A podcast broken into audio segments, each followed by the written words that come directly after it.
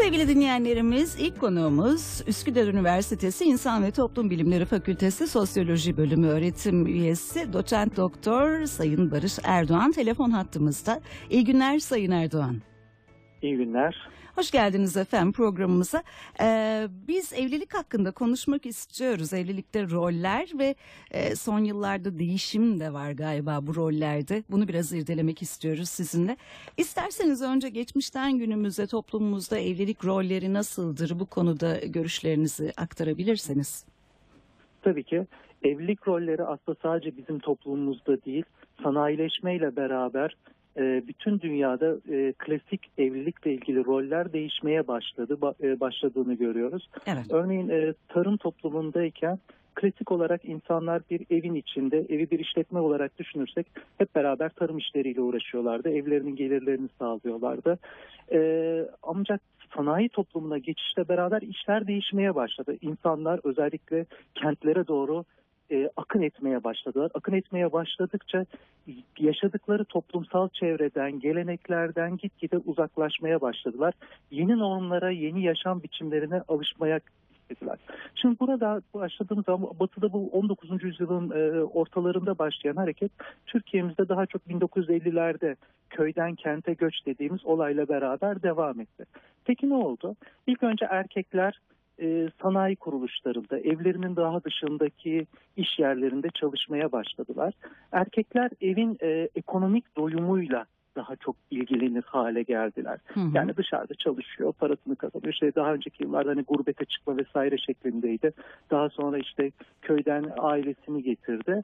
Ve kadının rolü ise daha çok evde çocuklarıyla uğraşmak. Yani duygusal doyumla işte evin e, devamını sağlamak, ev işleriyle uğraşmak şeklinde devam ediyordu.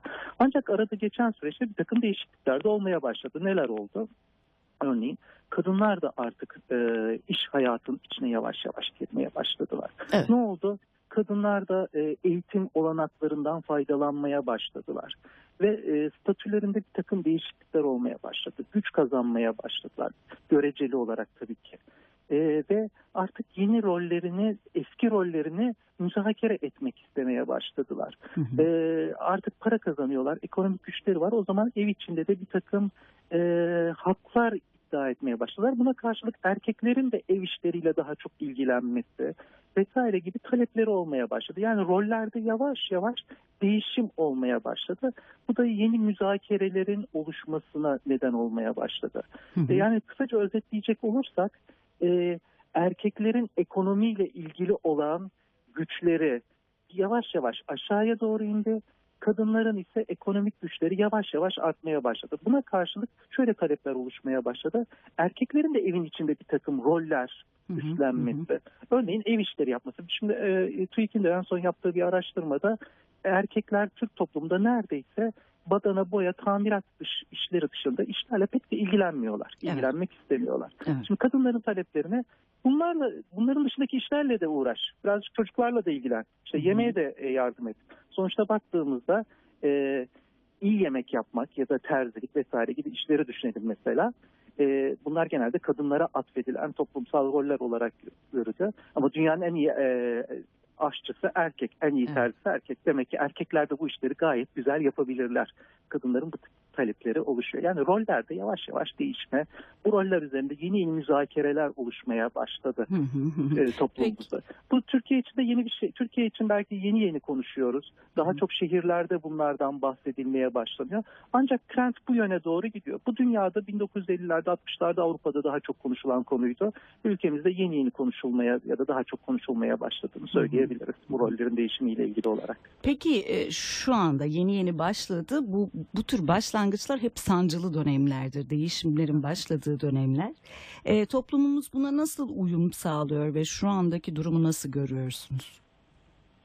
Şimdi toplumumuzda aslında bu yeni rollerin e, paylaşılması konusunda hem kadınların açısından hem erkeklerin açısından e, bir takım sorunlar var. Yani şöyle diyebiliriz.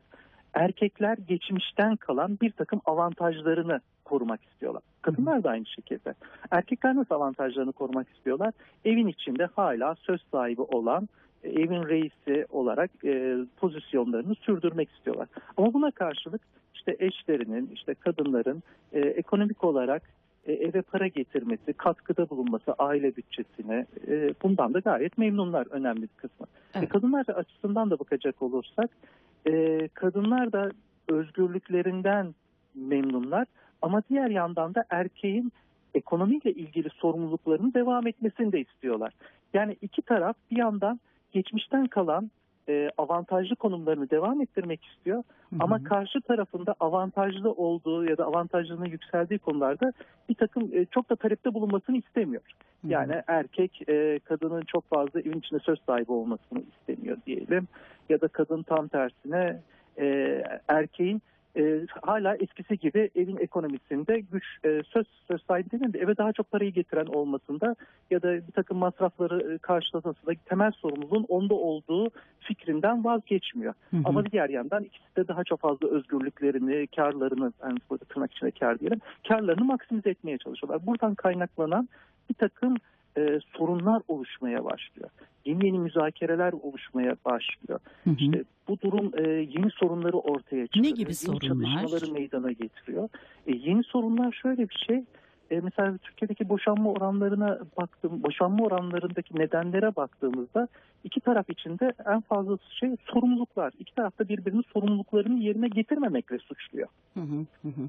Mesela işte e, kadınlar erkeklerin e, işte ekonomik e, sorumluluklarını yeterince yerine getirmediğini e, söylerken işte erkekler de tam tersine e, kadının evdeki e, sorumluluklarını yer, yeterince yerine getirmediğini, ev işlerini yeterince yerine getirmediğini ya da kendi ailesinin işlerine çok fazla karıştığını iddia ediyor. Evet. Yani yeni duruma aslında ekonomik olarak, kültürel olarak toplum ilerliyor. Belli bir noktaya doğru ilerliyor, gelişiyor. Hı hı. Ama e, kültürümüzdeki hala bir önceki dönemin e, kalıp yargılarıyla devam etmek istiyoruz her iki tarafta. Şimdi ekonomik gelişme, teknolojik gelişmenin hızıyla e, kültürün gelişme hızı aynı şekilde gitmiyor. Ekonomi ve teknoloji çok daha hızlı gidiyor. E, kültürel noktanın ona uyumlu hale gelmesi, ona uygun bir işlev e, şeklinde, işlevsel şekilde ilerlemesi bir dönem daha vakit alacak. Yani yeni dengenin oluşması belki birkaç kuşak daha e, toplumumuzda yer alacak. Tabii bu arada aile kurumu da sabit bir şekilde devam etmiyor. Belki onda ayrıca konuşmamız gerekir. Hı hı. Ee, olumlu ve olumsuz değişimler var tabii. Siz e, nasıl görüyorsunuz bu değişimleri? Olumlu yanları nelerdir, olumsuz yanları nelerdir? Ya şimdi e, aslında biz sosyolojide olumlu, olumsuzluktan çok bir şey oluyorsa neden oluyor ve bunun sonucu ne olacak ona doğru bakarız. Hani e, nasıl diyelim çok fazla yargılamayız. Evet. Ama Evet. olumlu açıdan bakacak olursak e, şunları söylemek tabii ki mümkün. E, yeni bir farkındalıklar oluşmaya başladı. Yani kadınların da e, diyelim ki e, aile ekonomisine, ülke ekonomisine katkıların artması açısından e, çocuklarını yetiştirirken yeni fikirleri e, daha iyi empoze etmeleri açısından burada bir yenilik var. Bu da olumlu açıdan bakılabilir. Erkekler açısından bakacak olursak erkeklerin de yavaş yavaş e, ailenin duygusal tatmininde katkılarının olması. Yani gitgide evin içine daha fazla girmeye başlamaları, gitgide çocuklarla geçmiş zamanları oranla daha fazla vakit geçirmeye başlamaları Hı hı. göreceli olarak e, bunların hepsi e, aile kurum açısından baktığımızda olumlu olarak görebiliriz. E, olumsuz yanı açısından bakacak olursak, hani burada çok fazla bir yargının içine girmiyorum ama bu yeni dönemi anlama, bu yeni döneme uyum sağlama tabii ki bir takım e, sorunları da beraberinde getirecek, yeni çatışmaları da berabere getirecek. Burada önemli olan bu çatışma ortamının içinde konuşabilmek, Hı yeni dönemin sorunlarını müzakere edebilmek. Yani şiddete başvurmadan e, konuşabilmek. Aslında konuşabilmek ve hatta gerektiğinde çatışmak Hı hı. olumludur. Hı hı. Neden olumludur? Çünkü konuşmak, çatışmak e, büyük patlamaları önler. Yani bunu da her zaman bir düdüklü tencere, tencereye benzetirim. Düdüklü tencerenin gazını almazsanız patlar. Evet. İnsanlar arasında da benzer bir şekilde. Ya burada bir sorunumuz var. Sen evin işleriyle çok fazla ilgilenmiyorsun. Ya da sen artık çocuklarla çok fazla ilgilenmiyorsun. Bak bir erkeksin ama çocukların duygusal e, tatmin ihtiyaçları var. Babalarıyla konuşmaya ihtiyacı var. Bunları konuşmak, tartışmak e, ileride ailenin e, ileriye doğru olumlu yönde ilerlemesi için önemli. Bu çatışmalar olumlu çatışmalar. Hı hı, Olumsuz hı olan çatışma e, aile kurumunun kendisini sorgulamaya başladığınızda başlar. Yani Evet. burada aslında önemli bir e, çatışmanın içeriği çok önemli açıkçası.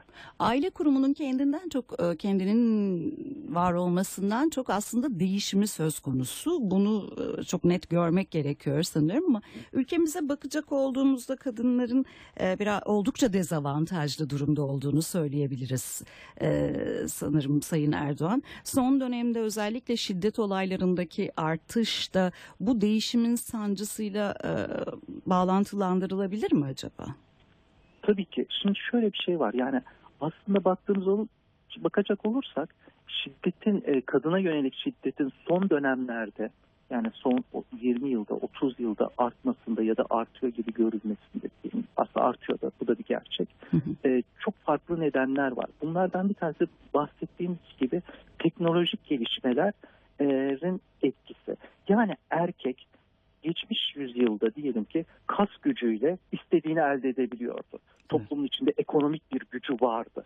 Ama yavaş yavaş kas gücünün bir değeri kalmamaya başladı. İşte hı. bilişim dünyasından bahsediyoruz. Yapay zekalardan bahsediyoruz. E peki böyle bir dünyada ne oldu? Erkeğin gücü, gücü gitgide yavaş yavaş azalmaya başlıyor. Kadının gücü artmaya başlıyor. Erkek o gücü korumak istiyor tabii söz hakkını Erkek de bu gücü istiyor. korumak istiyor ve binlerce yıldır erkeğin gücünü korumak için öğrendiği, bildiği tek bir yöntem var. Fiziksel gücü.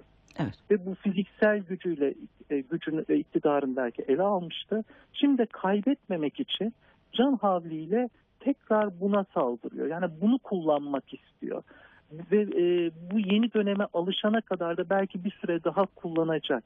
Hı hı. Yani modernleşmeyle beraber bu kadınların dezavantajlı durumu avant, e, eşitlikçi bir duruma gelene kadar belki Hı hı. bu duruma erkekler kabullenene kadar erkekler bu şiddetle durumu çözebileceklerini düşünüyorlar ama yanılıyorlar Hı hı. bence. Çünkü e, artık bundan dönüş yok. Yani kadın e, teknolojiyi geri gö- dö- dönüştürebilir miyiz? Artık elektrikten vazgeçebilir miyiz? Hı hı. Bunlardan nasıl vazgeçemeyeceksek e, kadınların da bu yeni haklarından e, bilinçlenmeye başladılar. Yani aslında kadın sorunu dediğim şey ilk kadının ilk okumaya yazmaya başlamasıyla belki de başladı diyebiliriz. Çünkü artık ben de senin gibi okuyabiliyorum. E, benim de haklarım var. Ben de oy kullanıyorum. Ben de para kazanıyorum. Hı hı. E, ben de işte bir bilgisayar programını yazabiliyorum, üretebiliyorum. Yapay zeka üreten bir insan haline gelebiliyorum. E, farkımız ne oluyor? Yani biyolojik farklılıklarımızın ötesinde ki bu biyolojik farklılıklardan kaynaklanan bir takım rol farklılıkları da oluşabilir ama bütün bunların dışında bir farkımız kalmıyor diyor. İşte erkekler bunu şimdilik diyelim anlamakta, kabullenmekte zorluk çekiyorlar. Bu sadece sosyoekonomik olarak alt grup erkeklere özgü bir durum da değil. Evet. Bu gayet eğitimli, şehirli diyebileceğimiz tırnak içinde, işte hatta çok yüksek eğitimli insanların içinde de bu durumu kabullenmekte zorluk çekenler ve bu zorluğu çek, çektikten sonra eşine, partnerine işte e, şiddet uygulamaya kadar giden durumu kabullenememekten kaynaklanan erkekler mevcut. Bu sadece Türkiye'ye özgü bir durum da değil. Bu batıda da benzer bir şekilde örneklerini görüyoruz. Ancak batı dünyasında e, bu eşitlenme düzeyi diyelim ya da bu farkındalık e, gitgide e, daha e, minimum düzeylere inerken e, Türkiye sanayileşmeye, modernleşmeye bir ölçüde daha geç bir zamanda başladığından e, bu fark bizde daha fazla ve şiddet olaylarını bir süre daha göreceğiz gibi. Ama bu tabii bütün bunları söylememiz şiddetin meşru bir araç olarak e, kullanılması gerektiği anlaşılmasın kesinlikle. Tabii ki bu bir Şiddeti tahlil kullanmak. sonuçta. Evet. Bu bir tahlil. Bu bir Evet. tahlil. Yani zorbalık iyi bir şey değil. Bunun için ne yapılması gerekiyor belki bu soruyu sormak gerekiyor. Hı hı, İşte hı e, bu teknolojideki ilerlemeleri, toplumsal hayatın içindeki ilerlemeleri anlayarak, kavrayarak erkeklerin de yavaş yavaş bilinçlenmeye başlaması gerekiyor. onların da e, kadınlarla, eşleriyle konuşmaya başlaması gerekiyor. Evet. E, yani dünyanın gidişini anlamak gerekiyor. Sonuçta eğer bu anlaşılırsa şiddet olayları da azalmaya başlar. Erkek buna çok gönüllü da- değil ama nasıl yükselecek bu farkındalık? Eğitimle olacak. Yani bu hem eğitimle olacak, aynı zamanda bir iradeyle olacak. Hı hı. Ee, yani bu toplumsal irade, siyasi irade bunların hepsi bir araya gelmesi gerekiyor. Hı hı. Bu farkındalığı anlayabilmek için, anlatabilmek için. Ama zamanla zaten e, akış da buraya doğru insanları götürecek. Evet. Yani bu kaçınılmaz. Bu e, müdahalelerle belki biraz kısaltılabilir ama önemli olan zaten toplumun kendi içinde zamanında bunu kavrayabilmesi. Ama tabii ki şiddet olaylarına hiçbir zaman e, müsamahada gösterilmemesi bunların da hukuksal olarak yani sosyolojinin dışında hukuksal olarak da en sert şekilde yargılanması hatta ibreti alem olması da belki de gerekiyor diye Evet. söyleyebiliriz. Çok teşekkür ediyoruz efendim bize katıldığınız için. İyi günler Ben diliyoruz. teşekkür ederim.